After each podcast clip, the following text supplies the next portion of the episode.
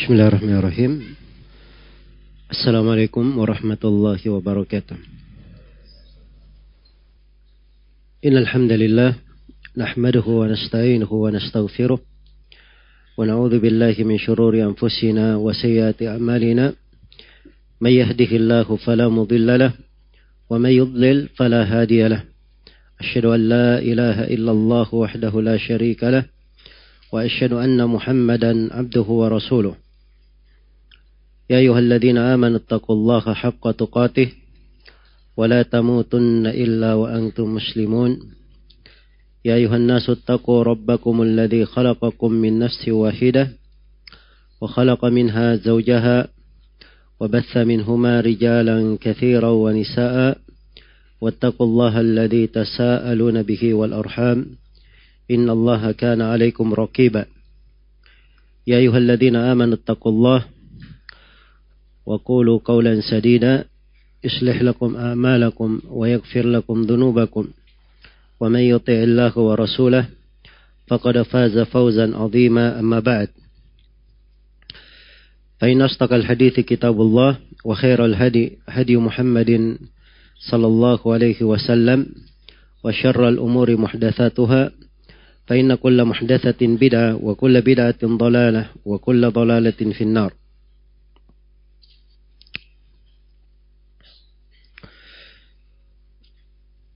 Ini sesi yang ketiga dari pembahasan kita mengkaji kitab Thalathatil Usul wa Adillatiha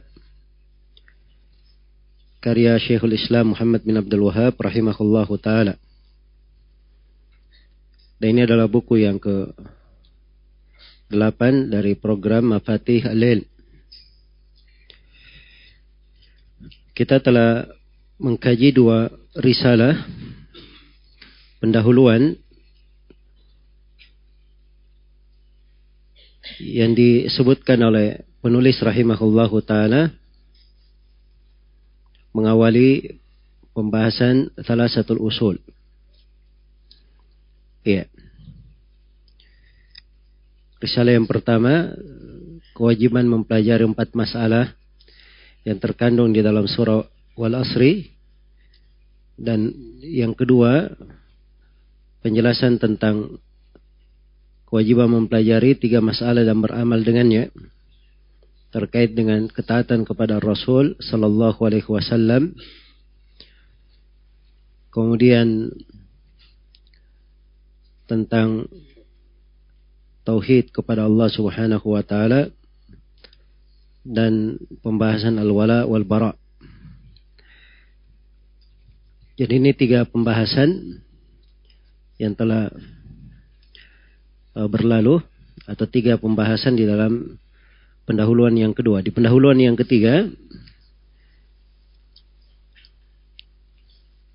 adalah pembahasan tentang Al-Hanifiyah. Penjelasan tentang mana Al-Hanifiyah dan tentang perintah Allah yang paling besar dan larangan yang paling besar di halaman 13 di buku panduan Bayanu al-Hanifiyati wa a'zamul amri wa a'zamun nahi. Penjelasan makna al-Hanifiyah serta perintah teragung dan larangan terbesar. Iya. Jadi penjelasan tentang Al-Hanifiyah ini dari hal yang banyak diulangi oleh penulis rahimahullahu taala di berbagai karya beliau. Karena ini adalah pokok dari agama. Dan seluruh nabi dan rasul berada di atas al-hanifiyah.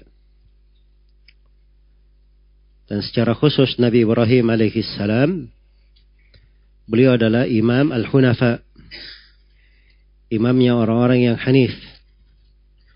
Dan sedangkan Nabi Ibrahim alaihissalam telah dimaklumi bahwa beliau wajib untuk diikuti oleh umat ini.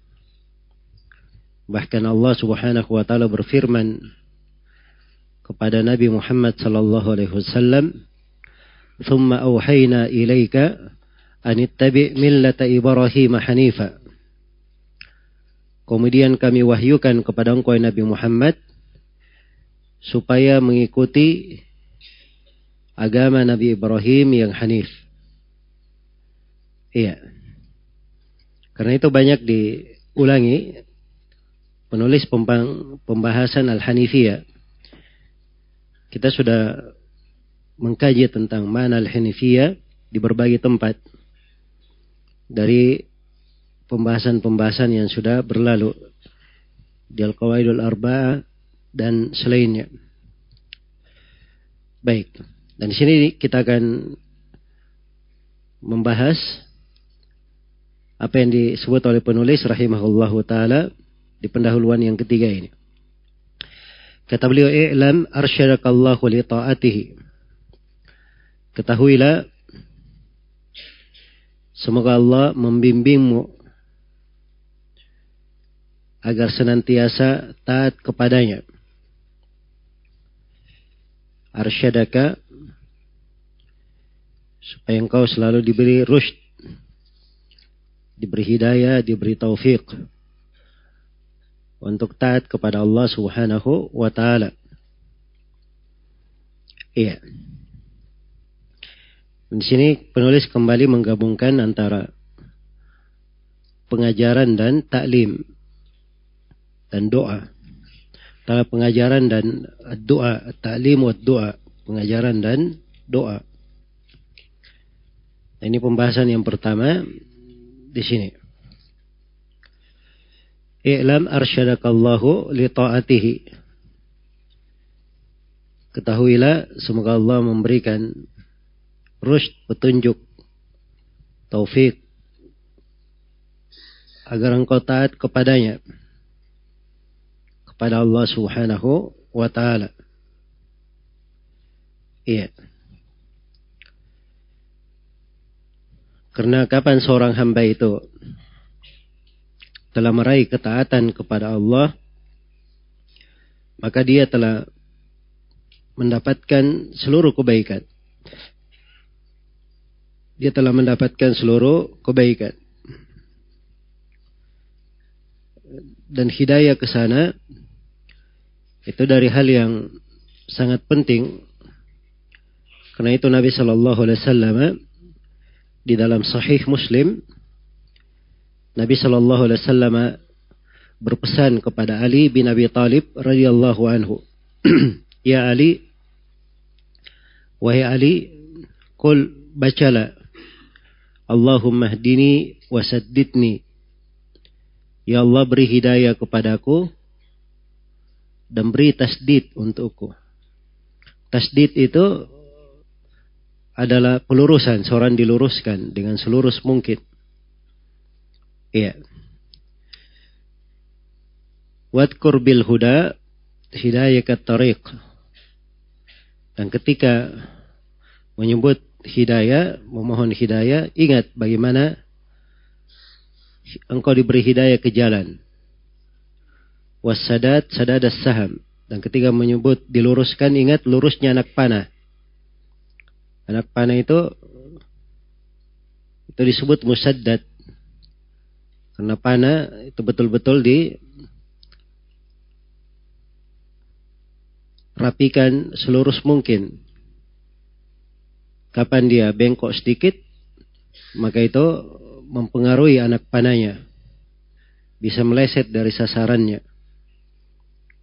Maka kelurusan itu sangat penting di dalam hal ini. Karena itu penulis rahimahullahu taala mendoakan semoga Allah memberikan rushd meluruskanmu, memberi hidayah kepadamu, membimbingmu untuk taat kepada Allah Subhanahu wa taala. Iya. Kata beliau, "Anna al-hanifiyata millata Ibrahim an ta'budallaha wahdahu mukhlishan lahu ad-din وبذلك أمر الله جميع الناس وخلقهم لها. كما قال تعالى وما خلقت الجن والإنس إلا ليعبدون ومعنى يعبدوني يوحدوني. وأعظم ما أمر الله به التوحيد وهو إفراد الله بالعبادة وأعظم ما نهى عنه الشرك وهو دعوة غيره معه. والدليل قوله تعالى واعبدوا الله ولا تشركوا به شيئا Baik. Sini saya poinkan ada sembilan pembahasan. Yang pertama tadi telah kita kaji al-jama' bainad doa wa ta'lim, penggabungan antara penggabungan antara pengajaran dan doa. Yang kedua, bayan makna al-hanifiyah. Penjelasan makna al-hanifiyah. Ya.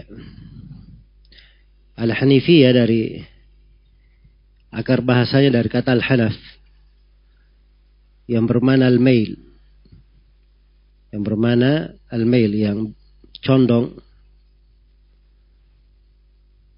dikatakan al-hanifiyah sebagai al-mail karena seorang itu dia condong kepada tauhid meninggalkan apa? Meninggalkan kesyirikan. Iya.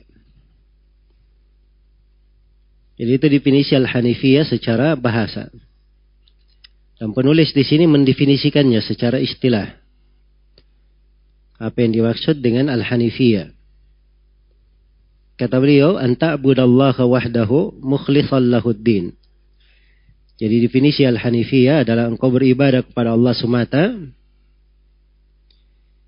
Engkau beribadah kepada Allah semata dengan mengikhlaskan agama hanya untuknya. Ya, ini penulis menggabungkan ya definisi al-hanifiyah seluruhnya dalam kalimat yang ringkas. Karena al-hanifiyah itu punya dua makna. Sudah diterangkan al-hanifiyah punya dua makna. Al-Hanifiyah itu bisa bermana Islam itu sendiri. Itu mana umumnya. Dan ada mana Al-Hanifiyah dengan mana khusus. Yaitu Al-Iqbal ala Allahi bit Tauhid. Wal mailu anis syirki. Bil bara'ati minhu. Al-Hanifiyah itu Al-Iqbal dengan mana khusus Al-Iqbal ala Allahi bit Tauhid. Dia menghadap kepada Allah mengarah kepada Allah dengan tauhid wal mail anisyirk dan dia berpaling dari kesyirikan bil bara'ati minhu dengan berlepas diri darinya. Jadi ini dua makna al-hanifiyah, mana umum dan mana apa? Mana khusus. Sekali lagi saya ulangi ada berapa mana al-hanifiyah? Ada dua, mana umumnya bermana apa? Bermana Islam. Dan mana khususnya? al-iqbal ala Allah bit tauhid wal mailu an syirki bi al bara'ati minhu. Menghadap kepada Allah dengan mentauhidkannya dan berlepas dari kesyirikan. Meninggalkan kesyirikan dengan berlepas darinya. Ini penulis dia gabungkan dua makna ini dalam definisi beliau. Beliau katakan bahwa al-hanifiyah an ta'budallaha wahdahu mukhlishan lahuddin. Ini inti dari kandungan al-hanifiyah pada dua mana yang kita sebutkan tadi. Jadi Al-Hanifiyah agama Nabi Ibrahim adalah ta'budallah wahdahu. Kau beribadah kepada Allah semata. Mukhlisan lahuddin. Dengan mengikhlaskan agama hanya untuknya. Iya. Dikatakan bahwa Al-Hanifiyah adalah agama Nabi Ibrahim, dikhususkan Nabi Ibrahim.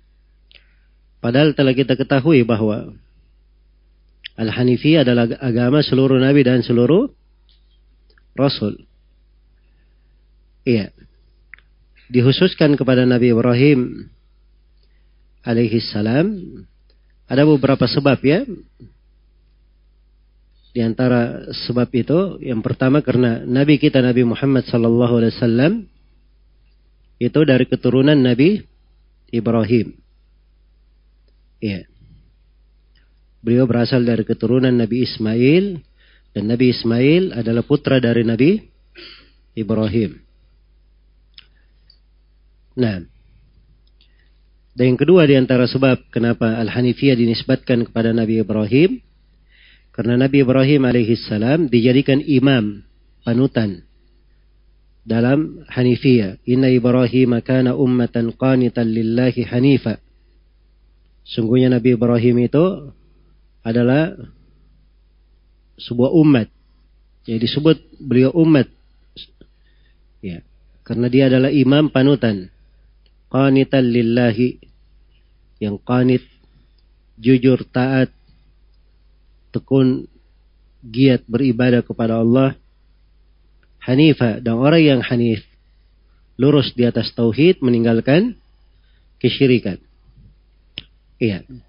Sebab yang ketiga disebut sebagai Al-Hanifiyah disandarkan kepada Nabi Ibrahim alaihissalam karena Al-Hanifiyah itu apa karena Nabi Ibrahim alaihissalam adalah makhluk yang paling sempurna di dalam mentahkik tauhid. Dalam mentahkik tauhid. Sampai beliau ke derajat al-khullah. Iya. Ke derajat al-khullah disebut sebagai Khalilullah. Kekasih Allah Subhanahu wa taala yang sangat dicintai. Iya. Ini al-khulla jenjang yang paling tingginya.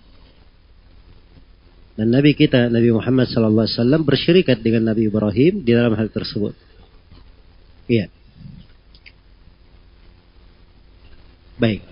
Jadi itu tiga sebab kenapa Al-Hanifiyah disandarkan kepada Nabi Ibrahim alaihi salam. Jadi Al-Hanifiyah ini adalah agamanya Nabi Ibrahim. Adalah agama Nabi Ibrahim alaihi salam. Anta'budallaha, engkau beribadah kepada Allah mukhlishan lahuddin. Anta'budallaha wahdahu mukhlishan lahuddin Kau beribadah kepada Allah dengan mengikhlaskan agama hanya untuknya. Allah, kau beribadah kepada Allah. Artinya mentauhidkannya. Wahdahu. Artinya satu-satunya.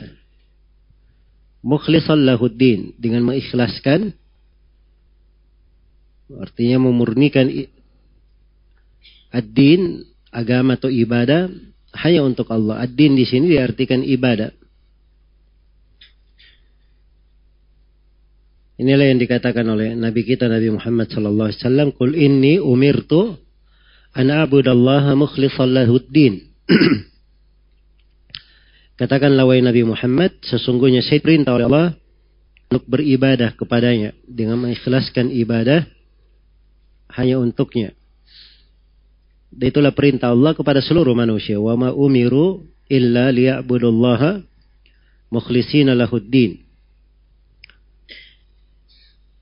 Tidaklah mereka diperintah kecuali untuk beribadah kepada Allah dengan mengikhlaskan ibadah hanya untuknya.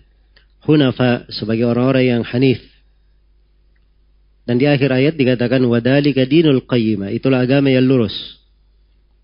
Ini penjelasan tentang agama. Iya. Baik. Jadi selesai sudah pembahasan tentang Al-Hanifiyah. Kemudian dikatakan di sini oleh penulis wabidalika amarallahu jami'an nas. Dan dengan ibadah dengan Hanifiyah ini Allah perintah seluruh manusia. Ya karena hakikat dari Hanifiyah adalah ibadah, maka inilah yang diperintah kepada seluruh manusia. Wa khalaqahum laha. Dan mereka dicipta untuk itu. Memang diciptakan untuk beribadah kepada Allah Subhanahu wa taala. Iya. Di sini beliau singgung tentang mana ibadah. Mana al-ibadah. Itu diperintah dan seluruh manusia di atas hal itu. Kama qala ta'ala sebagaimana firman Allah Wa ma khalaqtul jinna wal ins illa liya'budun. Tidaklah aku menciptakan jin dan manusia kecuali untuk beribadah kepadaku. Apa itu ibadah? Ditafsirkan ibadah. Wa mana ya'buduni yuwahhiduni. Dan mana mereka beribadah kepadaku adalah mentauhidkanku. Didefinisikan oleh Syekh ibadah bermana apa? Bermana tauhid. Ya. Memang ibadah itu ada dua makna. Ada makna umum dan ada makna khusus. Makna umum itu ibadah adalah imtithalu khitab syara' al-muqtarinu bil hubbi wal khudu' Ibadah adalah melaksanakan perintah syariat disertai dengan kecintaan dan ketundukan. Ini salah satu definisi ya pada ibadah. Iya. Sudah berlalu saya sebutkan definisi Syekhul Islam dan selainnya. Tapi ini dari definisi yang masyhur. Imtithalu khitab syara' melaksanakan perintah syariat al-muqtarinu bil hubbi wal khudu disertai dengan kecintaan dan kerendahan diri ketundukan. Iya itulah yang didefinisikan oleh Ibnu Al-Qayyim rahimahullahu taala di dalam nunianya wa ibadatur rahmani ghayatu hubbihi ma'dul li fa'ilihi huma qutbani. Ibadah kepada Ar-Rahman itu adalah puncak kecintaan kepadanya. Betul-betul cinta kepada Allah. Disertai dengan penghinaan orang yang beribadah terhadap dirinya. Dia menghinakan dirinya tunduk kepada Allah. Inilah dua kutub ibadah. Dua kutub, dua poros dan pondasi ibadah. Iya. Jadi ini ibadah dengan mana umum. Ada ibadah, definisi yang kedua, ibadah dengan mana khusus. Ibadah dengan mana khusus itu, itulah tauhid. Itulah apa? Tauhid. Karena itu penulis di sini menafsirkan dan mana wayak buduni itu yuwahiduni illa liya'bu illa liya'budun liya'budun di dalam ayat artinya liwahidun supaya mereka mentauhidkanku. Jadi tauhid di sini ini mana khusus dari apa? Dari ibadah. Iya. Baik. Definisi ibadah ditafsirkan dengan tauhid. Ini banyak ya di dalam penafsiran para ulama as-salaf rahimahumallahu taala. Karena itu seorang ketika dia mengenal pembagian-pembagian yang diterangkan tadi, itu akan mudah memahami penafsiran-penafsiran para ulama terhadap ayat-ayat. Kadang ada sebagian ayat ditafsirkan dengan makna yang mana ini menunjukkan bagian dari kalimat yang ditafsirkan. Seperti Ibnu Abbas rahimahullahu taala itu punya kaidah. Disebutkan kaidah ini oleh Al-Baghawi di dalam tafsirnya. Dari Ibnu Abbas. Kata Ibnu Abbas, "Kullu ma warada fil Qur'ani min al-ibadah fa ma'nahu at-tauhid." Kata Ibnu Abbas, apa saja yang datang dalam Al-Quran dari kalimat ibadah, maka mana ibadah di situ adalah tauhid. Mana ibadah adalah apa? Adalah tauhid. Jadi ini penafsiran dari Ibnu Abbas radhiyallahu taala anhu. Radhiyallahu taala anhuma menafsirkan dari ayat-ayat bahkan beliau buat sebuah kaidah semua di dalam Al-Quran ibadah, maka itu maknanya adalah apa? Maknanya adalah tauhid. Iya. Jadi penafsiran itu ya buduni bermana yuwahiduni. Ya ini penafsiran yang populer di kalangan as-salaf. Karena ibadah tadi telah kita sebutkan ibadah ada berapa? Ibadah ada dua, ada mana umum dan ada mana apa? Khusus. Berarti di sini ibadah ditafsirkan dengan mana yang mana? Dengan mana yang khusus.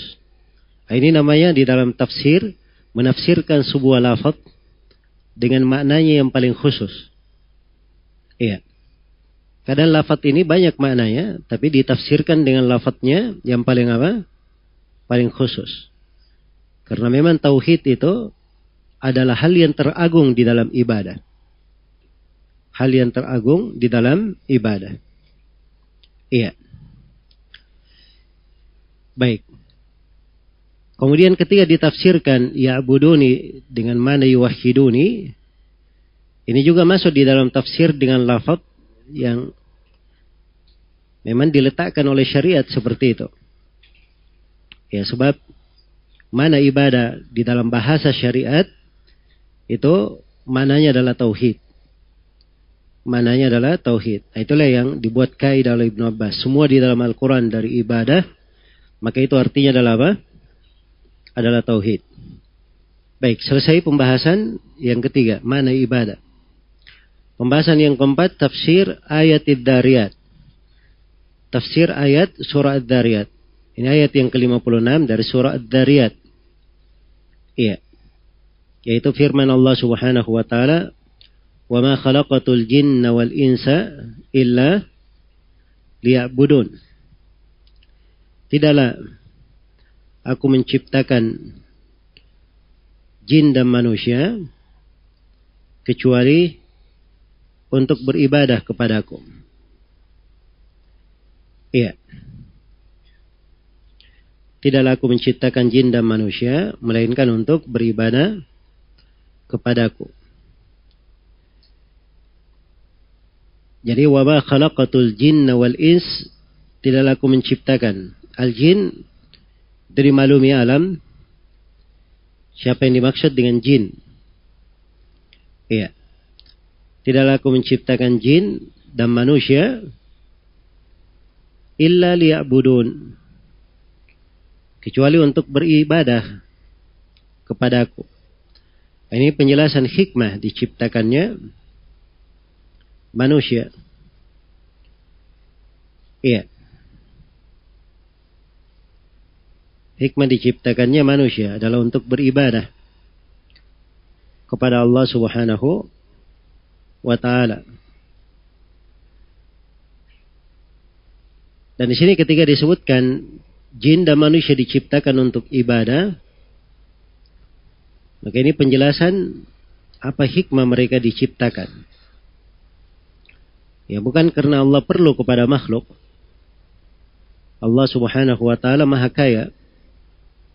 Maha cukup. Tidak perlu kepada siapa pun dari makhluknya. Makhluklah yang perlu kepada Allah.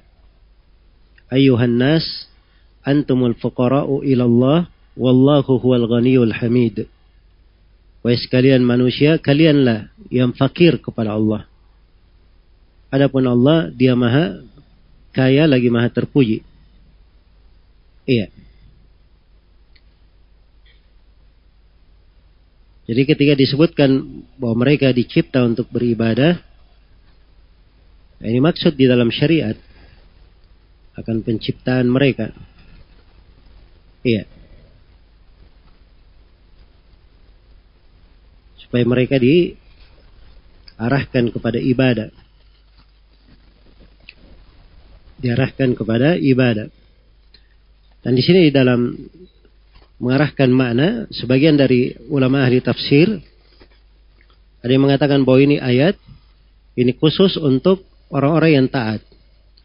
Karena itu datang di dalam bacaan Ibnu Abbas, "Wa ma khalaqatul jinna wal insa minal mu'minina illa liya'budun. Tidaklah aku menciptakan jin dan manusia dari kaum mukminin kecuali untuk beribadah kepadaku. Iya. Kecuali untuk beribadah. Adapun jin dan manusia itu kebanyakannya memang itu adalah penghuni neraka jahanam. Karena itu dikatakan dalam ayat yang lain, "Walaqad dara'na li jahannama katsiran minal jinni wal ins." Sungguh kami telah memenuhi neraka jahanam banyak dari jin dan manusia. Disebutkan kebanyakannya dari jin dan manusia. Iya. Baik. Jadi kalau ditafsirkan dengan mana ini, maka mana ayat tidaklah kau menciptakan jin dan manusia, maksudnya jin dan manusia yang beriman. Mereka lah yang beribadah sehingga masuk ke dalam apa namanya sorga mendapatkan kebaikan. Iya. Dan ini juga penafsiran sebagian as-salaf yang lain mereka katakan wa ma khalaqtul jinna wal ins maksudnya ma khalaqtus suada minal jinni wal ins. Tidaklah aku menciptakan orang-orang yang beruntung dari jin dan manusia kecuali untuk beribadah kepadaku. Iya. Baik. Jadi ini sudah dua bentuk penafsirannya. Kalau penafsiran yang pertama itu penjelasan tentang hikmah diciptakan. Tidaklah aku menciptakan jin dan manusia kecuali untuk beribadah. Kecuali agar supaya aku perintah mereka beribadah kepadaku dan aku ajak mereka untuk beribadah kepadaku. Nah, dan penafsiran yang kedua apa yang kita sebutkan tadi dari Ibnu Abbas radhiyallahu taala anhu dan selainnya. Baik. Jadi ini mana dari ayat wa ma khalaqtul jinna wal ins illa liya'budun. Penulis menafsirkan wa mana ya'buduni yuwahhiduni. Dan mana beribadah kepadaku adalah mentauhidkanku. Baik. Kemudian beliau jelaskan di sini tentang perintah yang paling besar. Dan ini pembahasan yang kelima. A'zamu ma amarallahu bih. Yang teragung dari segala yang Allah perintah. Kata beliau wa a'zamu ma amara Allah bihi tauhidu. Iya. Yang terbesar dari apa yang Allah perintah, yang teragung dari apa yang Allah perintah adalah tauhid. Adalah tauhid. Yang dikatakan a'zamul amr. Sebab ini perintah Allah kepada seluruh makhluk. Dan ini pula yang merupakan tujuan diutusnya para nabi dan para rasul. Iya. Dan seluruh kitab-kitab yang diturunkan adalah untuk tauhid. Kitabun fussilat ayatuhu thumma uhkimat. Apa kitabun uhkimat ayatuhu thumma fussilat min ladun hakimin khabir alla ta'budu illallah kitab yang telah muhkam ayat-ayatnya. Kemudian ditafsil dari sisi Allah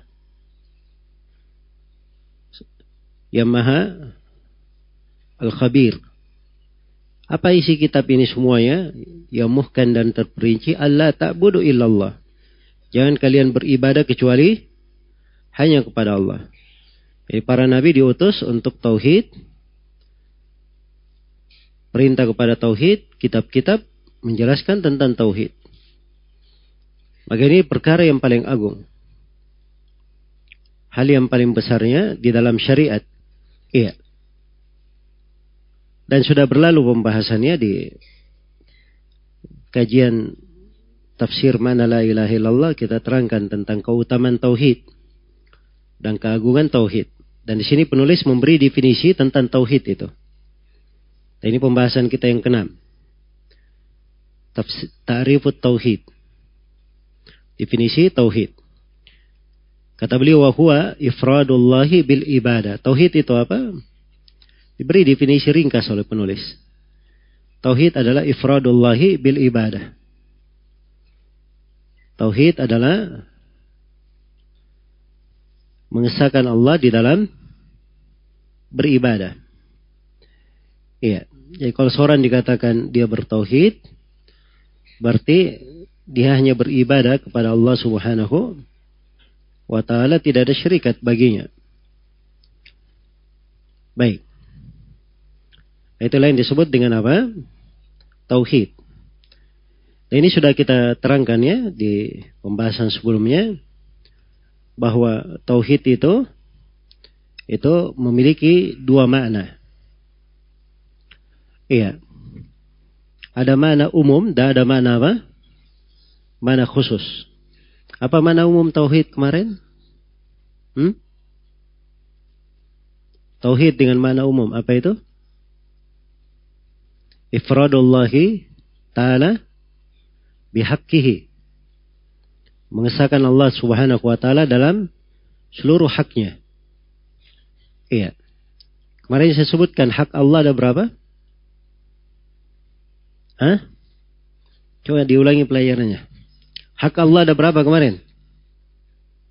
Hah? Ada dua. Ada hak dalam al-ma'rifah dan isbat. Dan ada hak dalam apa? Al-irada wal qasd. Ada dua hak. Hak dalam ma'rifah dan isbat. Hak dalam ma'rifah dan isbat. Hak dalam pengenalan dan penetapan. Ini masuk di dalamnya dua jenis tauhid, tauhid rububiyah dan tauhid al-asma wa sifat. Dan ada hak di dalam irada dan al-qasd, kehendak dan maksud. Ini bahasa lainnya tauhid uluhiyah. Jadi kalau diglobalkan semuanya hak Allah ada tiga. Hak dalam tauhid rububiyah, uluhiyah dan apa? asma wa sifat. Ya, inilah tauhid dengan mana umum, mencakup seluruh tauhid. Mencakup seluruh mana tauhid. Karena ifradullahi bihaqqihi, mengesahkan Allah dalam haknya, ini mencakup seluruh bentuk tauhid. Nah, penulis di sini mendefinisikan tauhid dengan definisi khusus. Dengan definisi khusus. Beliau katakan bahwa tauhid adalah ifradullahi bil ibadah. Mengesahkan Allah dalam ibadah. Ini tauhid apa namanya? Hah? Tauhid uluhiyah. Jadi beliau definisikan dengan definisi khusus. Iya. Dan ini dua-duanya definisi dipakai oleh para ulama. Rahimahumullah ta'ala. Iya.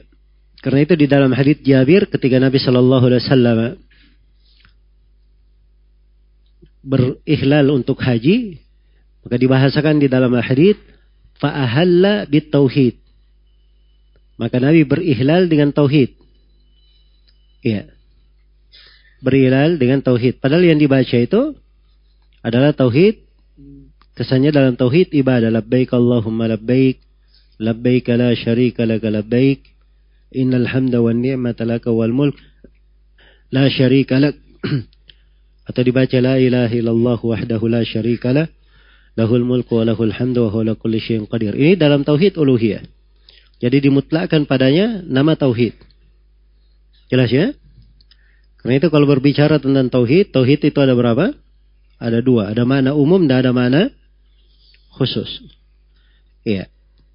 Ini pembagian-pembagian seperti ini sederhana ya, tapi memberi banyak manfaat kepada seseorang memberi banyak manfaat. Kalau kita baca buku-buku yang berjudul Kitab Tauhid, itu beraneka ragam isinya. Misalnya kita baca buku Kitab Tauhid karya Ibnu Khuzaimah. Ini isinya mencakup pembahasan tauhid, uluhiyah, tauhid rububiyah, tauhid asma wa sifat. Walaupun banyak hal beliau tegaskan di pembahasan asma wa sifat. Karena kesatan yang banyak terjadi di masa itu di pembahasan nama dan sifat. Iya. Tapi kalau kita baca kitab Tauhid karya Syekh Muhammad bin Abdul Wahab yang akan kita kaji nanti. Ini kitab Tauhid. Iya. Ini kebanyakan isinya pembahasan tentang Tauhid uluhiyah. kalaupun ada tauhid rububiyah dan asma sifat itu cuma mengikut saya. Tapi inti pembahasannya adalah tauhid apa? Tauhid uluhiyah. Nah ini tidak bertentangan ya, karena memang tauhid punya dua mana, ada mana umum dan ada mana apa? Mana khusus. Baik. Antabudallahu wahdahu tauhid wa huwa ifradullah bil ibadah. Selesai tentang definisi tauhid. Sekarang kita pindah kepada pembahasan berikutnya. Pembahasan yang ketujuh, a'zamu manahallahu anhu yang terbesar dari segala yang Allah larang. Kata penulis rahimahullah, wa a'zamu manaha anhu syirk. Iya.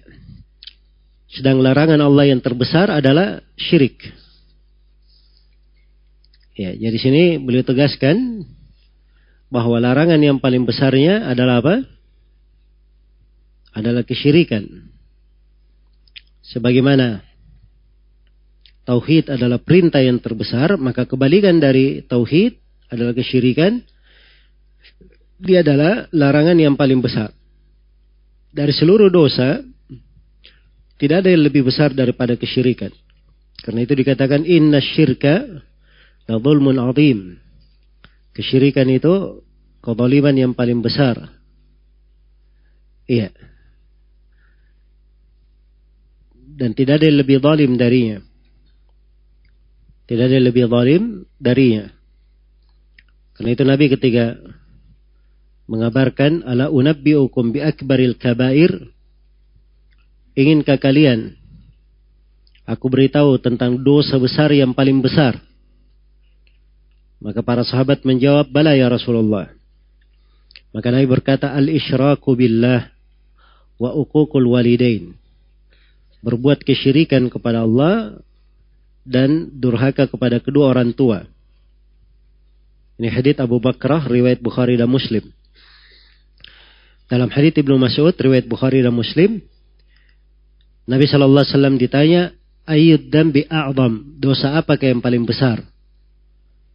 Maka Nabi menjawab, "Antaja'ala lillahi niddan wa huwa khalaqak." Engkau menjadikan untuk Allah tandingan padahal Allah yang menciptakan kamu. Ini kalimat dalam hadis padahal Allah yang menciptakan kamu itu akan datang ya pembahasan penulis. Dan ini sudah berlalu ya kajiannya. Pengakuan seorang hamba terhadap tauhid rububiyah itu mengharuskan dia mengakui tauhid apa? Tauhid uluhiyah. Kalau Allah yang menciptakan, memberi rezeki, menghidupkan kamu, harusnya Allah juga satu-satunya yang berhak kamu ibadahi. Karena itu kalau dia beribadah kepada selain Allah ini betul-betul besar dosanya. Allah yang menciptakannya, memberi rezeki kepadanya, menghidupkannya, mencurahkan nikmat. Tapi saking menyimpangnya hamba ini, dia beribadah kepada selain Allah. Harusnya kan beribadah hanya kepada Allah semata. Iya. Baik, jadi ini beberapa dalil ya menunjukkan bahwa kesyirikan adalah dosa yang paling paling besar. Iya, dosa yang paling besar. Dan sudah berlalu ya di pembahasan sebelumnya beberapa buku yang kita kaji saya sudah terangkan tentang beberapa bahaya kesyirikan. Beberapa bahaya kesyirikan. Ada belasan bahaya ya. Saya pernah jelaskan dari bahaya kesyirikan. Ya walaupun bahaya kesyirikan itu lebih banyak daripada apa yang telah disebutkan.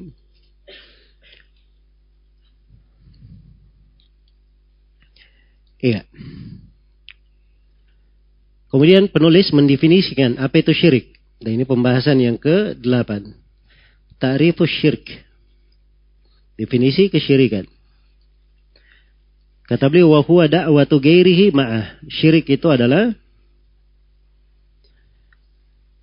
menyeru kepada selain Allah bersama dengan menyeru kepadanya, kepada Allah Subhanahu wa taala. Iya. Jadi syirik itu jangan dibayangkan bahwa kesyirikan itu dia beribadah murni kepada selain Allah. Iya. Makanya dikatakan syirik karena syirik itu persyirikatan, dia mempersekutukan. Dia mempersekutukan. Kadang dia ibadah kepada selain Allah, beribadah kepada selain Allah juga. Nah, ini syirik juga. Kadang seluruh ibadahnya kepada Allah, kebanyakan ibadahnya kepada Allah, dan ada sedikit ibadah kepada selain Allah. Namun sedikit ibadah kepada selain Allah ini merusak seluruh ibadahnya yang lain. Ini saking bahayanya apa? Kesyirikan.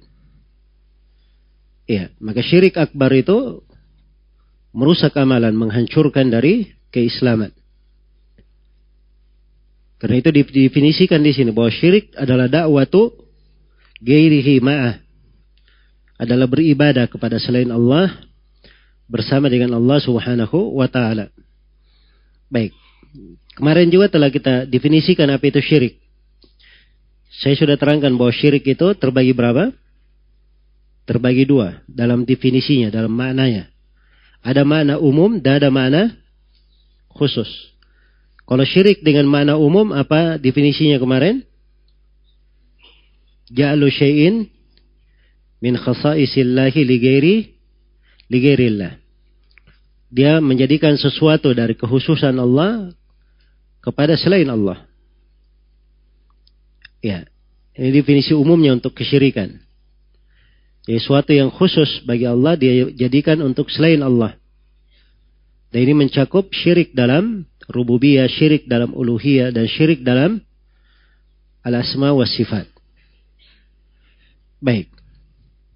Dan ada syirik dengan mana khusus. Yaitu ja'alu syai'in minal ibadah ligeri ligairillah. Menjadikan sesuatu dari ibadah untuk selain Allah subhanahu wa ta'ala. Nah, inilah yang didefinisikan oleh penulis di sini. Jadi penulis ini mendefinisikan syirik dengan definisi apa? Umum atau khusus?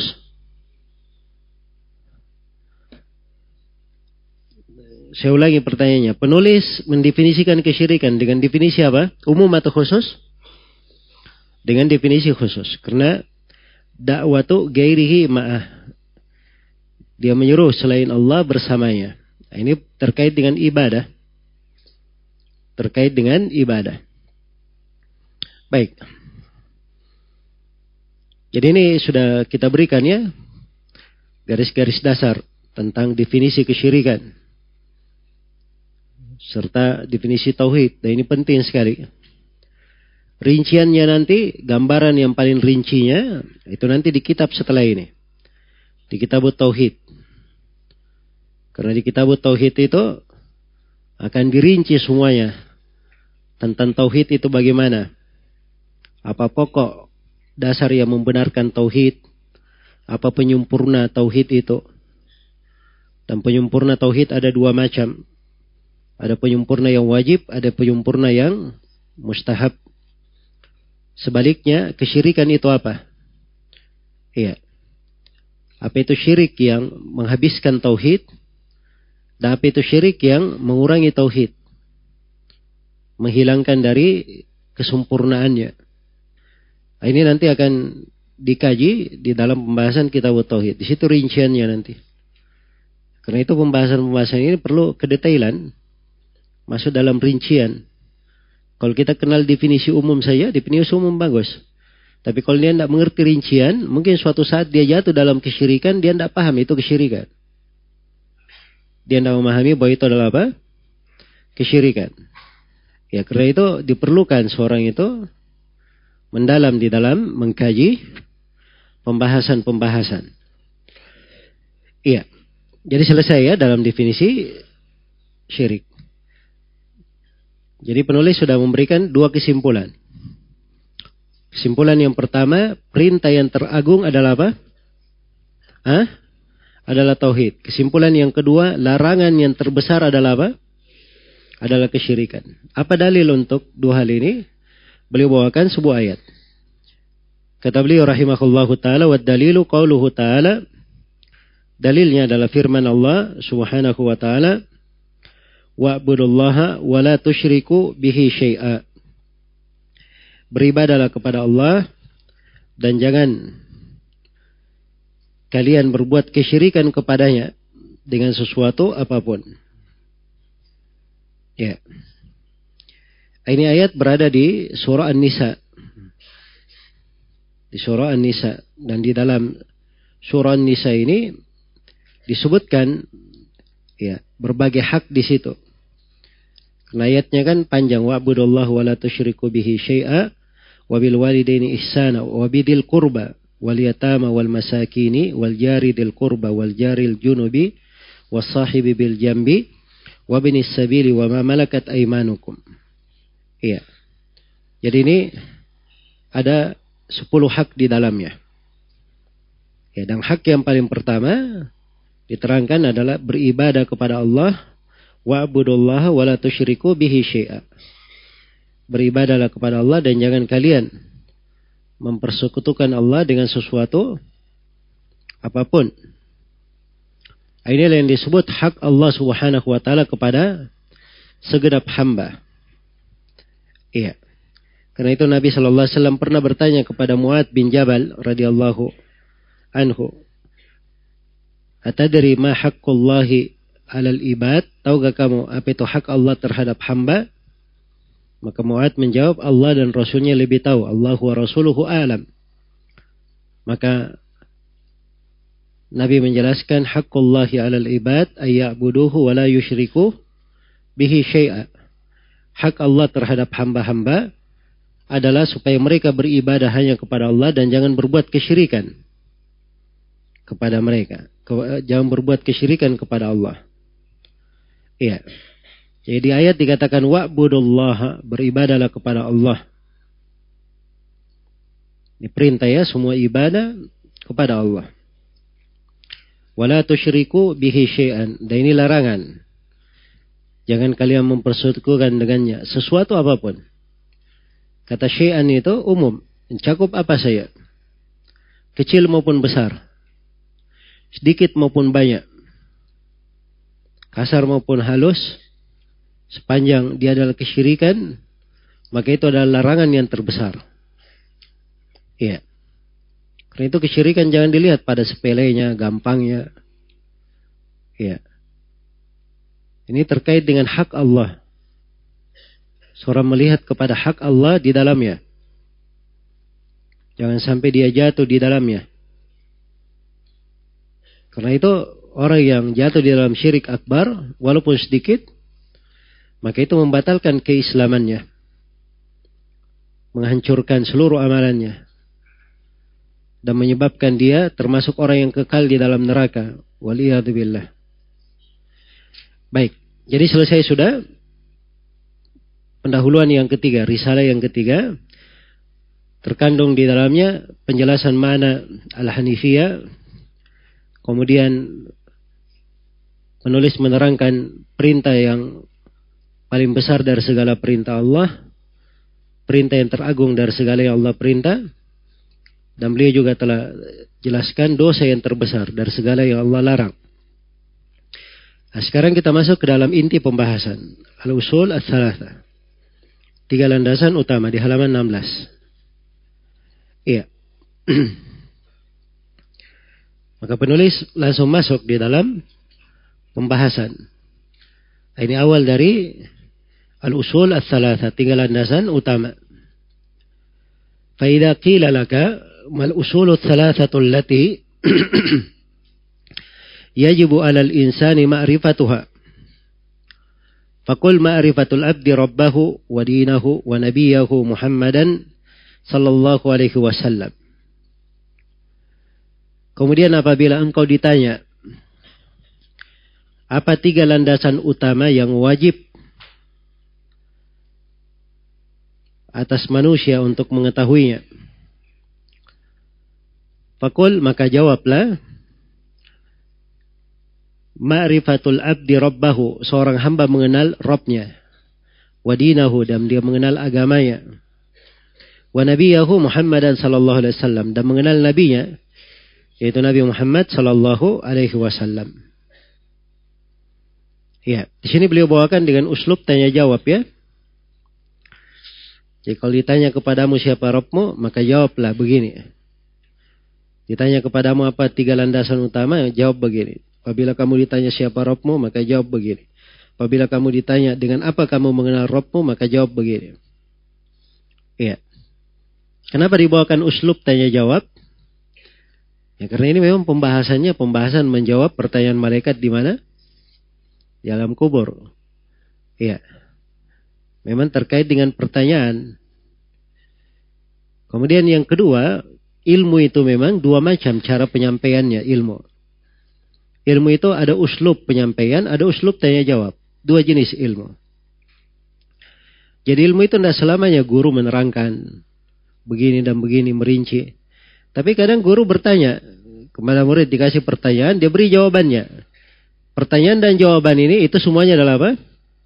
Adalah ilmu. Iya. Itu sisi yang kedua. Sisi yang ketiga nanti akan diterangkan oleh penulis hadis Jibril yang panjang tentang Jibril datang berwujud manusia lalu bertanya kepada Nabi beberapa pertanyaan.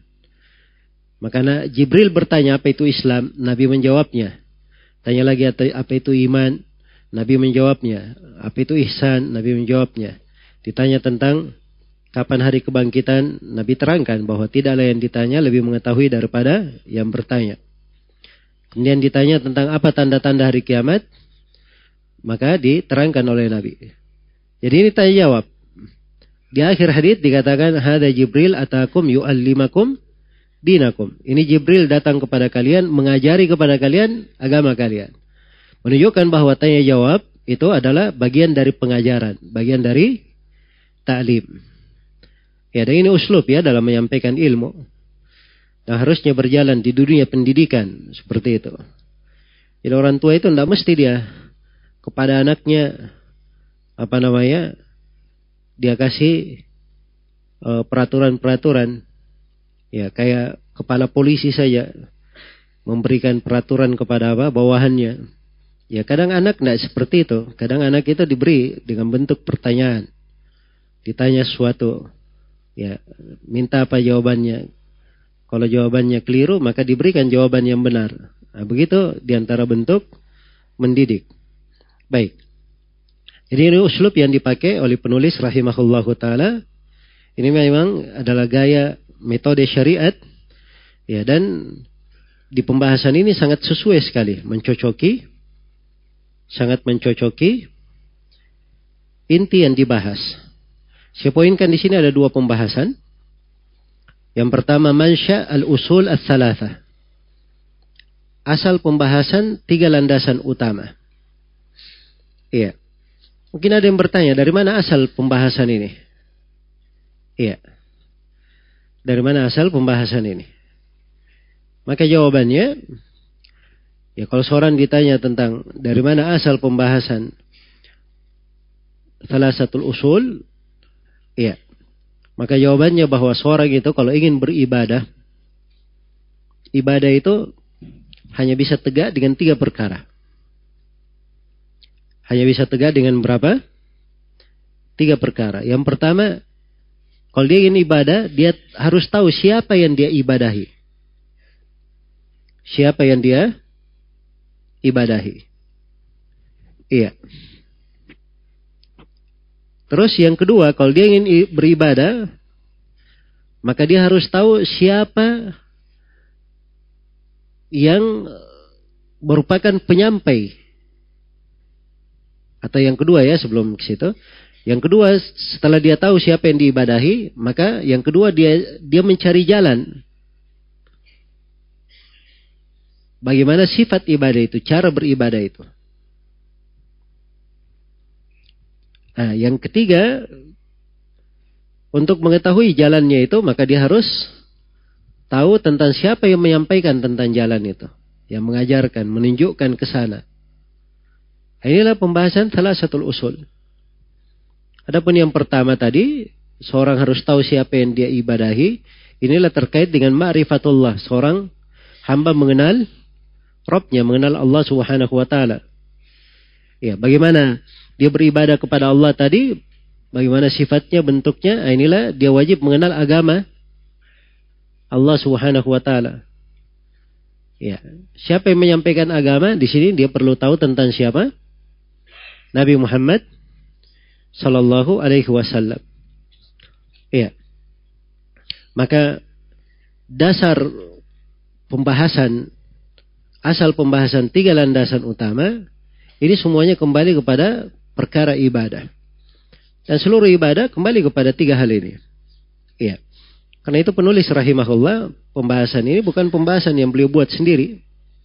Ini pembahasan yang dimaklumi di dalam syariat. Iya. Pembahasan yang dimaklumi di dalam syariat. Baik. Pendalilan-pendalilannya itu jelas sekali dalam Al-Quran dan Sunnah Rasulullah Sallallahu Alaihi Wasallam. Apalagi kalau kita membuka pembahasan yang berikutnya, wujubu ma'rifati al-usulit salata wa ahim wa ahamiyatuha.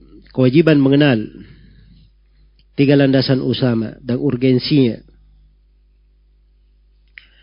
Iya. Dari sisi mana urgensinya mengenal tiga hal ini? Sebab tiga hal ini ini memang kalau dari sisi dasar pertanyaannya itu adalah pertanyaan malaikat di mana? Di alam kubur. Iya. Dan malaikat bertanya di alam kubur itu datang dalam banyak hadis. Datang dalam banyak hadis. Ada dalam riwayat Bukhari Muslim, ada di luar Bukhari Muslim. Tapi di antara konteks yang paling lengkapnya itu adalah hadis riwayat Imam Ahmad rahimahullahu taala dan selainnya dari Al-Bara bin Azib radhiyallahu anhuma. Iya. Dari Al-Bara bin Azib radhiyallahu anhuma. Saya akan baca ya teks hadisnya karena ini penting dan ini hadis akan menjelaskan kepada kita wajibnya memahami tiga landasan utama dan urgensinya. Kata Al-Bara bin Azib radhiyallahu anhuma, "Kharajna ma Rasulillah sallallahu alaihi wasallam fi janazati rajulin min al-ansar." Kami pernah keluar bersama Nabi sallallahu alaihi wasallam mengurus jenazah seorang lelaki yang meninggal dari kalangan sahabat Al-Ansar. Semoga Allah meridai mereka semua. Kata beliau, pantahaina ilal qabr. Kami pun berhenti di kuburan. Walamma yulahat. Ya, dan waktu itu apa namanya? Uh, belum di dilahat. Iya. Atau sudah dilahat ya. Fajalasa Rasulullah sallallahu alaihi wasallam wa jalasna haulahu. Maka Rasulullah sallallahu alaihi wasallam duduk dan kami duduk di sekitar beliau. Iya. nama ala ru'usina tair. Seakan-akan di atas kepala kami itu ada burung. Maksudnya apa? Maksudnya apa? Hah? Jadi kalau misalnya duduk, seakan-akan di atas kepala burung, kondisi majelisnya bagaimana? Tenang atau gaduh? Ya tidak mungkin burung datang kalau orang rame ya. Ini pembahasan bahwa mereka sangat tenang sekali. Ini beda dengan apa namanya? Sebagian orang di masa ini kalau ke kuburan mengantar kuburan ributnya luar biasa. Cerita ngalur ngidul, ya macam-macam ceritanya. Ada yang dari urusan satu juta sampai satu m di kuburan. Padahal ini di kuburan. Ya, ada yang cerita masalah kekuasaan sebagainya. Nah, ini musibah ya. Karena kuburan bukan itu tempatnya. Kuburan adalah mengingat apa? Mengingat kematian. Dan ini akhlaknya para sahabat ketika berada di kuburan. Iya. Kondisinya seperti itu, tenang. Wafiyadihi udun yang kusubihi fil ard. Dan di tangan beliau ada apa namanya ud. Ada kayu yang beliau tusukkan ke ke tanah. Ya biasa ya orang Arab itu dia ke mana-mana dia bawa tongkat atau bawa kayu di tangannya. Itu kebiasaan orang Arab. Ya, tapi jangan dibilang sunnah ya bawa tongkat ke sana sini. Hah? Karena ada sebagian orang yang dianggap bawa tongkat sana sini itu sunnah. Ya kalau dia bawa tongkat untuk mengangkat barang tidak apa-apa. Tapi kalau dia katakan sebagai sunnah, tidak itu kebiasaan berjalan di tengah manusia. Ya, dan itu tidak dikatakan sunnah. Baik. Kecuali kalau misalnya dia pakai tongkat di atas mimbar, itu Nabi lakukan di posisi khutbah. Itu ada haditnya. Maka farafa farafa ra'sahu, beliau mengangkat kepalanya. Faqala, kemudian beliau berkata, "Istaidu billahi min adabil qabr." Berlindunglah kalian semua dari siksaan di kuburan. Ini menunjukkan bahwa kadang di kuburan itu boleh memberikan sebagian wejangan, sebagian nasihat. Sebab Nabi di sini ini berucap nasihat ya. Dan ini dasar tentang bolehnya. Tapi jangan terus menerus ya. Dibuatkan acara khusus di kuburan. Tiap kali ada yang dikubur, maka ada ceramah di situ. Tidak mesti ada ceramah. Tapi kalau perlu diberi nasihat, karena ini kesempatan manusia berkumpul, biasanya orang-orang di kuburan itu hatinya lebih terbuka untuk menerima kebenaran.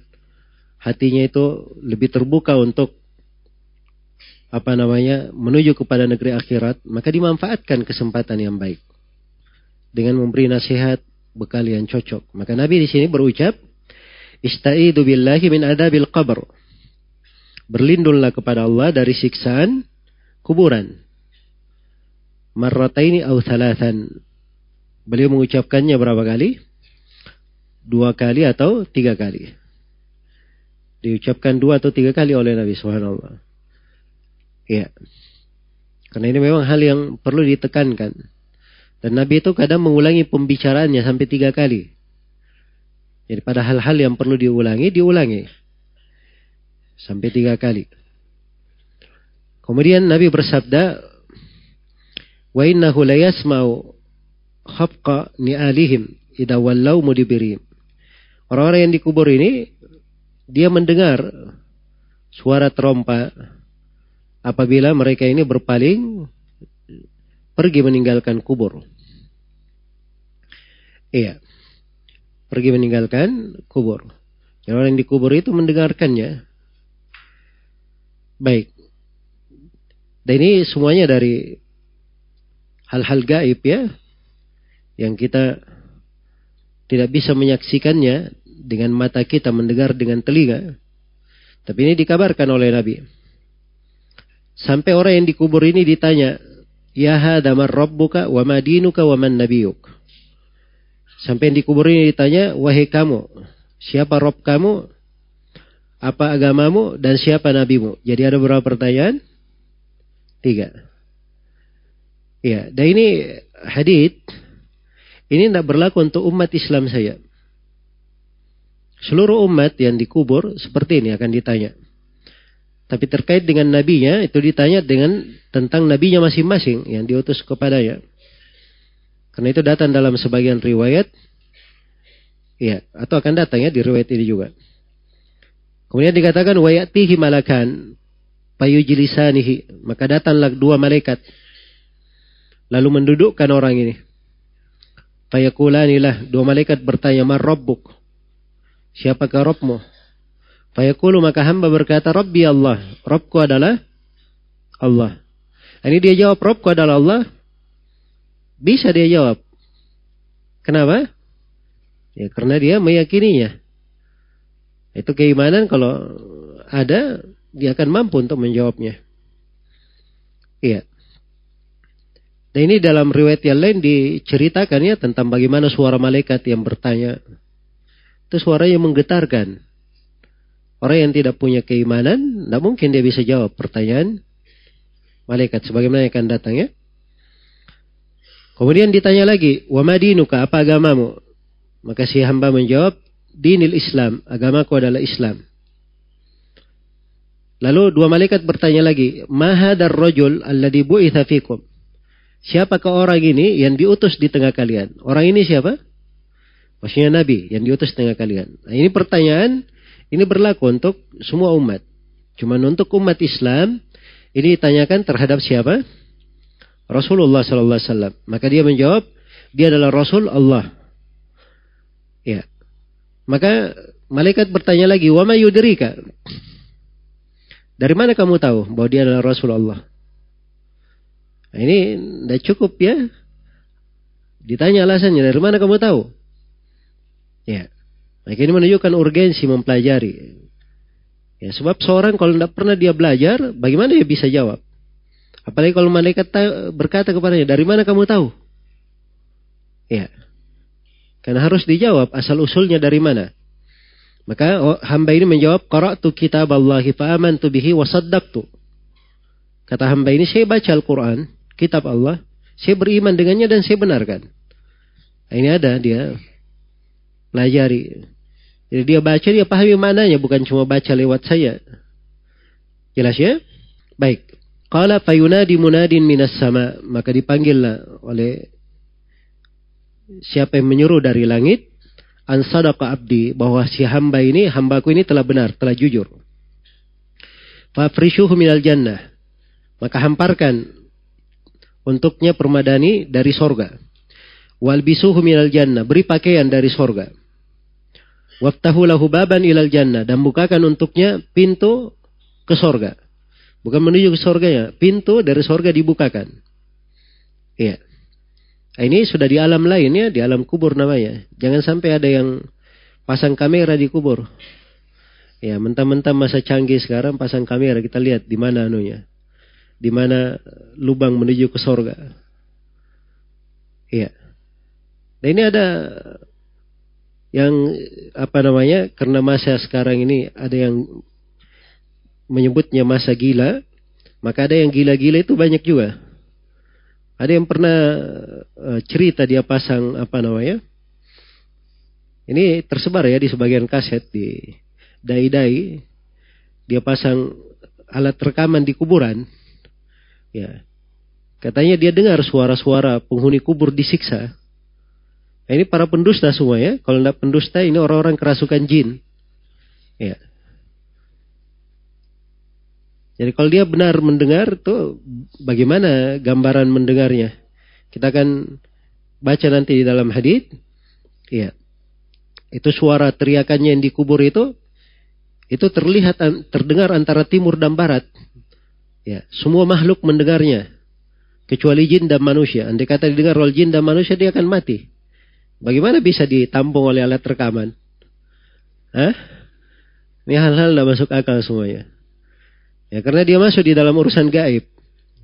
Karena itu hati-hati ya di cerita-cerita seperti ini kadang sebagian orang maksudnya ingin membuat manusia itu takut tapi dia berdusta atas nama agama. Jadi ketika dibukakan pintu ke sorga, maka datanglah dari sorga itu baunya, anginnya, apa namanya, udaranya dan bau harum dari sorga. Wa yufsahu lahu fihi maddal basar, madda basarihi. Lalu dilapangkan kuburannya sejauh mata memandang. Iya. Jadi kuburan itu berubah menjadi apa? Sejauh mata memandang. Nah, ini kalau dia bisa menjawab tiga pertanyaan malaikat. Nah ini untuk orang yang beriman. Ya sebaliknya, wainal kafir. Dan seorang kafir itu bagaimana? Diceritakan kematiannya. Ya ada memang sebagian riwayat ya, sebagian riwayat itu diceritakan mukmin kalau meninggal itu bagaimana. Kafir itu bagaimana kalau meninggal. Ada riwayat lain. Cuman di sini kita baca yang ringkasnya saja. Iya. Ketika ruhnya sudah dikembalikan ke jasadnya, maka malaikat datang. Lalu mendudukkan orang ini. Kemudian dia ditanya, buka siapa Rabbmu? Fayaqulu haha la adri. Dia berkata haha, saya tidak tahu. Iya. Saya tidak tahu. Ini di riwayat Al-Bara bin Azib. Kalau di dalam riwayat Ummu Salama, hadits Ummu Salama dalam riwayat Bukhari dan Muslim, uh, afwan. Dalam hadits Asma binti Abi Bakar, hadits Asma binti Abi Bakar riwayat Bukhari dan Muslim, Nabi Shallallahu Alaihi Wasallam ketiga menyebutkan bagaimana seorang mukmin di kuburan ditanya tentang Nabi. Maka mukmin atau orang yakin dia akan menjawab, dia adalah Muhammad Rasul Allah. Ja'ana bil bayyinati wal huda. Nabi Muhammad ini datang kepada kami membawa bayinat dan petunjuk. Kejelasan dan petunjuk. Nah, ini dia tahu apa yang dibawa oleh Nabi. Menunjukkan dia belajar. Sehingga dia kenal siapa Rasulullah. Fa'ajabna wa amanna wa taba'ana. Maka kami menjawab seruan Nabi. Kami mengimani dan kami mengikutinya. Maka fayuqalu lahu nam salihan. Maka dikatakan kepadanya, tidurlah kamu. sebagai orang yang salih. Faqad alimna in kunta la mu'minan. Kami sudah tahu bahwa kami ini sungguh seorang yang beriman. Kata malaikat. Kemudian dikatakan wa ammal munafik awil murtab. Adapun seorang munafik atau orang yang ragu. Kalau di dalam hadits Bara bin Azib orang kafir. Kalau di sini murtab, munafik atau dia ragu. Apa yang dia jawab? Ya. Fayaqulu la adri sami'tu an-nasa yaquluna syai'an faqultuhu. Maka dia berkata, saya tidak tahu. Saya hanya mendengar manusia berucap sesuatu, maka saya juga ikut-ikutan mengucapkannya. Saya juga ikut-ikutan mengucapkannya. Nah, ini ikut-ikutan, tidak ada manfaatnya. Orang yang cuma apa? Ikut-ikutan saya. Karena itu harus dipelajari. Nah, inilah dasar kewajiban. Kenapa kita wajib mempelajari salah satu usul. Sebab setelah dipelajari kita mengamalkannya dalam hidup. Nah, yang dijaga dan dipelihara sepanjang kita hidup. Iya. Dengan itulah kita dibangkitkan. Nah, itu yang menentukan keberuntungan. Baik.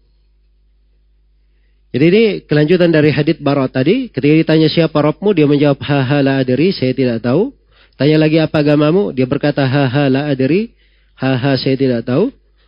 Ya ini kata haha. Ini kayak jawaban orang yang apa namanya kaget, gugup, nggak bisa berbicara jawaban. Maka langsung dia tutup. Saya tidak tahu. Ya.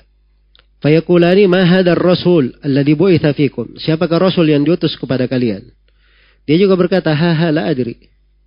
Maka diteriakkan dari langit angkadaba abdi bahwa si hamba ini berdusta. Fafrishuhu minan nar hamparkan untuknya hamparan dari neraka. Walbisuhu minan nar beri pakaian dari neraka. Waftahu lahu baban ilan nar dan bukakan untuknya pintu kepada neraka. Maka datanglah dari panas neraka dan racunnya ke ke, ke kuburnya. Wa yudayyaku alaihi qabru dan kuburnya disempitkan hatta takhtalifa fihi adla'uhu sampai tulang belulangnya apa sampai menghimpitnya dan membuat tercerai tulang belulangnya. Iya. Baik. Di dalam sebuah riwayat ada tambahannya. Iya. Thumma yuqayyad lahu a'ma abakam. Mahu marzabbah min hadid. Kemudian didatangkan kepadanya Ya, seorang yang buta tidak bisa berbicara. Dan dia bawa palu dari gada atau palu dari apa? Dari besi. Ya, andai kata gada atau palu ini dipukul ke gunung Uhud, apa lauduri babi hijabal ada kata gunung itu dipukul dengan palu ini, maka akan berubah menjadi tanah gunung itu. Lasara roba. Fayadribuhu biha darbatan. Maka dia pun dipukul dengan pukulan. Yasma'aha ma bainal masyriqi wal maghrib. Semua yang di timur dan di barat mendengarnya. Illa thaqalain. Kecuali jin dan manusia. Iya. Fayasiru turaban. Maka dia dipukul menjadi tanah. Orang ini thumma tu'adu fihi ruh. Dikembalikan lagi ruhnya. Ini di antara hadith Rasulullah Wasallam menjelaskan tentang kejadian di alam kubur. Iya. Baik. Jadi ini dasar hadith ya yang menjelaskan tentang kewajiban mengenal salah satu usul. Ya wallahu taala alam. Baik. Sudah masuk waktu sholat duhur. InsyaAllah ta'ala kita akan lanjutkan pembahasan di sesi berikutnya. Subhanakallahumma wa bihamdik. Asyadu an la ilaha illa anta. Astagfirullah wa atubu ilaik. Walhamdulillahi rabbil alam. Baik, ini masih mau tanya jawab atau? Kayaknya sudah setengah sepuluh.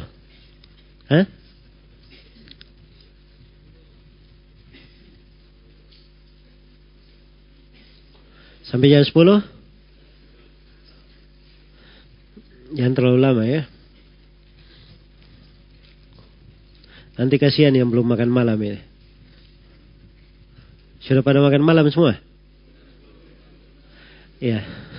Ada dua suara. Ada yang bilang sudah, ada yang bilang belum.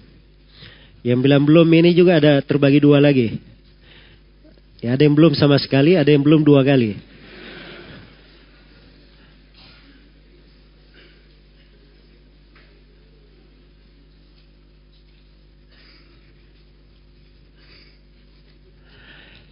Seperti penjelasan Ustadz bahwa jarak antara telinga dan pundak malaikat berjarak 50 ribu tahun. Apakah malaikat bentuk fisiknya sama dengan manusia? Ya ini pertanyaan tidak diperlukan ya. Cukup tahu ada telinga, ada apa namanya pundak, bentuknya bagaimana kan tidak diterangkan. Tidak usah ditanyakan hal yang seperti itu. Jadi kalau sudah diterangkan dari telinga sampai ke pundaknya, jaraknya sekitar 500 tahun itu sudah dimaklumi. Ya, itu caranya memahami eh, apa namanya ayat-ayat dan hadit-hadit terkait dengan perkara gaib. Kita hanya mengimani apa yang dikabarkan. Yang tidak dikabarkan tidak usah ditanyakan.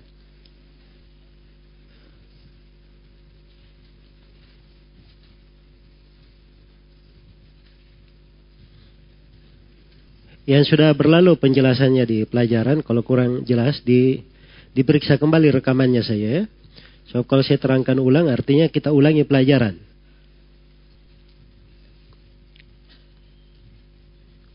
saya akan mendaftar haji. Dan saya diberitahu bahwa menunggu sampai menunggunya 5 sampai 10 tahun. Kemudian saya disarankan untuk umroh saja dahulu karena umroh itu tidak menunggu lama. Hanya sebulan sudah berangkat. Ya.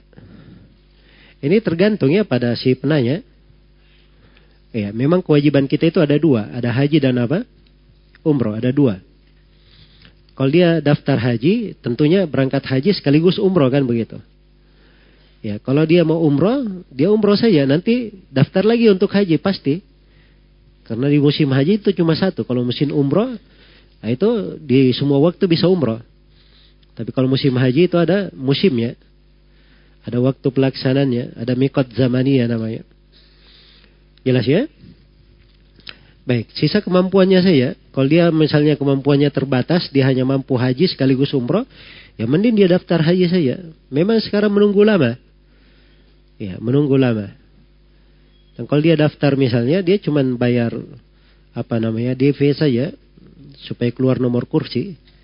Nah, sisa dia siapkan nanti sekitar lima tahun ke depan dia lunasi, ya atau sepuluh tahun. Ya. Sambil itu dia lihat kalau ada kemampuan dimudahkan oleh Allah maka dia ingin umroh mendahulukan umroh nggak ada masalah. Tapi daftar hajinya tetap dia daftar. Sebab itu kewajiban. Itu yang paling wajibnya. Apakah manusia pada hari kiamat dibangkitkan dengan jasad atau ruhnya saya ya dibangkitkan dengan jasad dan ruhnya ya jasad yang dia pakai itu dibangkitkan Nah, itu banyak dalil yang menunjukkannya. Di antaranya Nabi Shallallahu Alaihi Wasallam melihat sahabat sebagiannya beruduk, kakinya tidak dicuci tapi diusap saya. Maka Nabi berteriak dengan suaranya yang paling keras. Wailul lil aqabi minan nar. Celakalah tumit-tumit dari api neraka. Yang ditunjuk tumit-tumitnya dari api neraka. Bahwa ini yang di, diancam pada hari kiamat dengan apa? Api neraka. Baik. Apa saya berdosa apabila mengikuti atau menyetujui keinginan saudari perempuan saya untuk membagi rata warisan dengan alasan tidak ingin ribut dan silaturahmi menjadi renggang. Ya bagaimana caranya tidak ingin ribut? Ya dia menyelisihi syariat dalam hal itu itu sebenarnya yang membuat ribut. Ya. Membuat ribut. Nah, ini sebagian perempuan seperti itu. Allah sudah menentukan ketentuan. Bagian laki-laki itu dua kali lipat bagian perempuan. Iya. Dua kali lipat bagian perempuan. Maka hukum warisan sudah jelas. Kalau dilakukan, tidak ada keributan. Bahkan itulah kebaikan. Tapi tergantung pada saudara laki-laki ini. Kalau dia ingin, apa namanya, memberikan haknya kepada saudari perempuannya, itu urusan dia. Kalau ingin dia berikan haknya. Ya, kalau dia bagi ratakan, artinya hak dia pasti diambil oleh saudara perempuannya.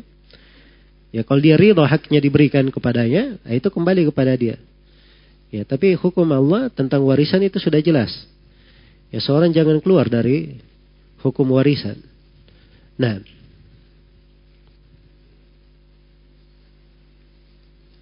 tulisannya kecil sekali, nggak bisa dibaca. Apakah ada hukum karma di dalam Islam? Karma ini dari bahasa Hindu ya, Ya, dan itu keyakinan di agama mereka. terdapat di dalamnya kekufuran, kesyirikan di dalam rububiyah, pengingkaran terhadap takdir. Dan itu adalah hal yang tidak diperbolehkan. Apa namanya hal yang tidak ada di dalam syariat kita. Iya. Tapi kalau al-jaza min jinsil amal, seorang mendapatkan balasan dari jenis amalannya, itu ada di dalam syariat kita, tapi bukan disebut karma namanya. Iya. Dia dibalas sesuai dengan apa yang dia kerjakan. Al-jaza min jinsil amal, itu ada di dalam bahasa syariat kita. Baik. Nah, ini ada yang tanya tentang tasawuf. Iya. Insya Allah akan ada nanti ceramah. Akan ada apa namanya uh, kajian umum temanya 10 pengantar mengenal tasawuf.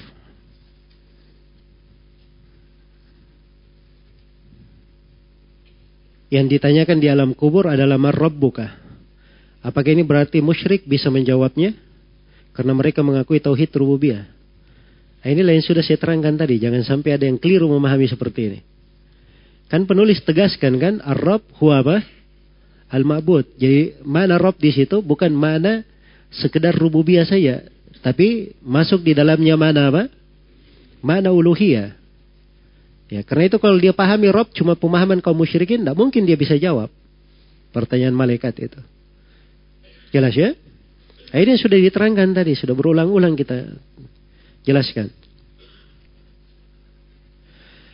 Benarkah Imam Ahmad pernah sholat 300 rakaat dalam satu hari? Jika ini benar apakah ini termasuk bidah karena tidak pernah dilakukan oleh Nabi? Nah ini dari mana dulu mengecap tidak pernah dilakukan oleh Nabi? Pertanyaan pertama ditanyakan dulu 300 rakaat ini apa bentuknya? Ya, sholat kayak bagaimana? Di mana tempatnya? Nah, itu pintu-pintu bab sholat sunnah itu banyak bentuknya. Banyak bentuknya ya. Jangan orang bertindak dengan apa yang dia ketahui saja. Dia cuma kenal sholat rawatib, 12 rakaat. Kemudian dia kenal sholat duha. Anggal udah 8 rakaat, sudah 20 rakaat. Kemudian dia kenal sholat malam. Hah? Kan begitu. Dihitung dari sholat-sholat sunnah. Ini sisi-sisi sholat sunnah ini, kalau dihitung banyak sekali. Karena itu ada sebagian ulama yang berkata sholat sunnah itu ada 30 sisi misalnya. Ada datang ulama setelahnya, dia anggap kok 30 terlalu banyak. Dia pelajari-pelajari, dia dapat 30 lebih daripada itu. Iya, jelas ya?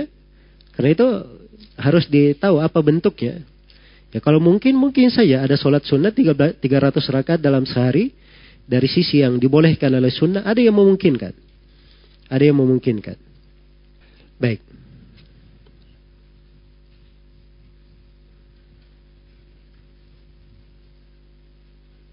Ini ada sikap katanya seorang teman dia baru menuntut ilmu. Sedang semangat-semangatnya mendakwai orang tua dan keluarga. Tapi tanpa hikmah. Ini orang tuanya justru tambah lari dan jauh dari sunnah.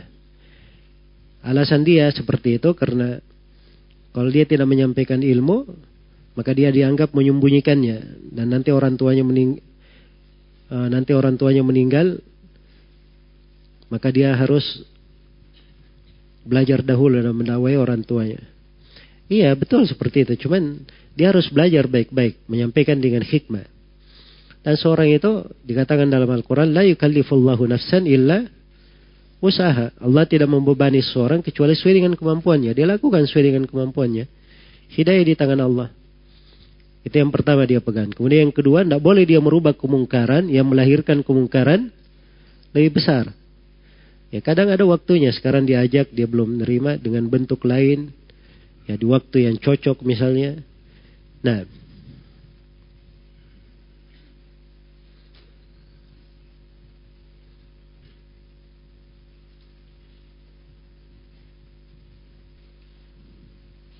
Apakah ada lafaz khusus yang dituntunkan oleh Nabi berupa pujian-pujian kepada Allah ketika mengawali doa sebelum meminta sesuatu? Ada sebagian ya yang boleh diawali dengannya doa. Dia memuji Allah misalnya dengan menyebutkan nikmat-nikmatnya. Iya. Atau misalnya dibaca seperti yang diajarkan dalam doa. Allahumma inni as'aluka bi annaka anta Allahu la ilaha illa anta al-hadus samad alladhi lam yalid wa lam yulad wa lam yakul lahu kufuwan ahad. Lalu disebutkan dari doa yang dia minta. Itu boleh saja dan boleh dia baca dari pujian-pujian yang mencocoki doa.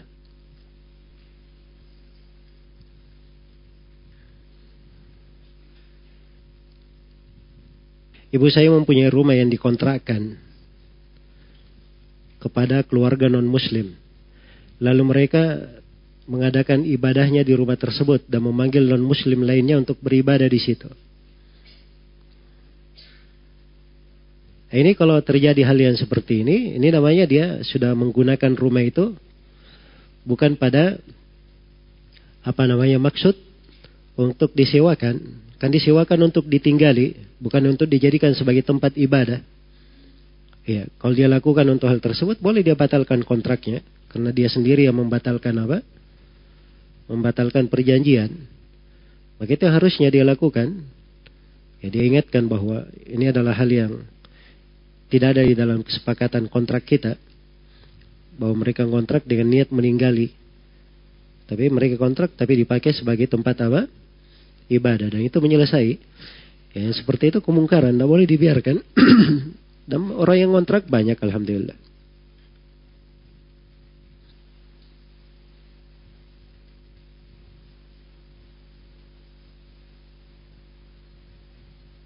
Baik, ini pertanyaan yang terakhir ya. Kita cari pertanyaan yang terakhir. Boleh kamu memanfaatkan uang sumbangan untuk kepentingan pribadi dengan niat nanti diganti. Boleh kamu memanfaatkan uang sumbangan untuk kepentingan pribadi dengan niat nanti diganti. Bagaimana caranya dengan niat nanti diganti? Hah? Ini dia sudah menyalahgunakan amanah. Karena itu bukan untuk dipakai pribadi. Sumbangan itu kalau masuk dipakai sesuai dengan amanahnya. Sesuai dengan apa? Amanahnya. Tidak boleh dipakai pribadi. Walaupun dia nanti akan menggantinya. Ya. Kalau nanti misalnya dia pakai terus tidak bisa dia ganti bagaimana? Setelah dia pakai tiba-tiba dia meninggal? Hah? Ya seorang harusnya berpikir jauh ya, jangan dia masuk ke dalam hal-hal yang tidak diperbolehkan seperti itu. Itu namanya menyelisihi amanah. Ya wallahu taala alam. Baik, sampai sini dulu. Mudah-mudahan apa yang kita kaji di pertemuan ini ada manfaatnya untuk semuanya. Wallahu taala alam. Subhanakallahumma wa bihamdik asyhadu an la ilaha illa anta astaghfiruka wa atubu ilaik. Walhamdulillahi alamin. Wassalamualaikum warahmatullahi wabarakatuh.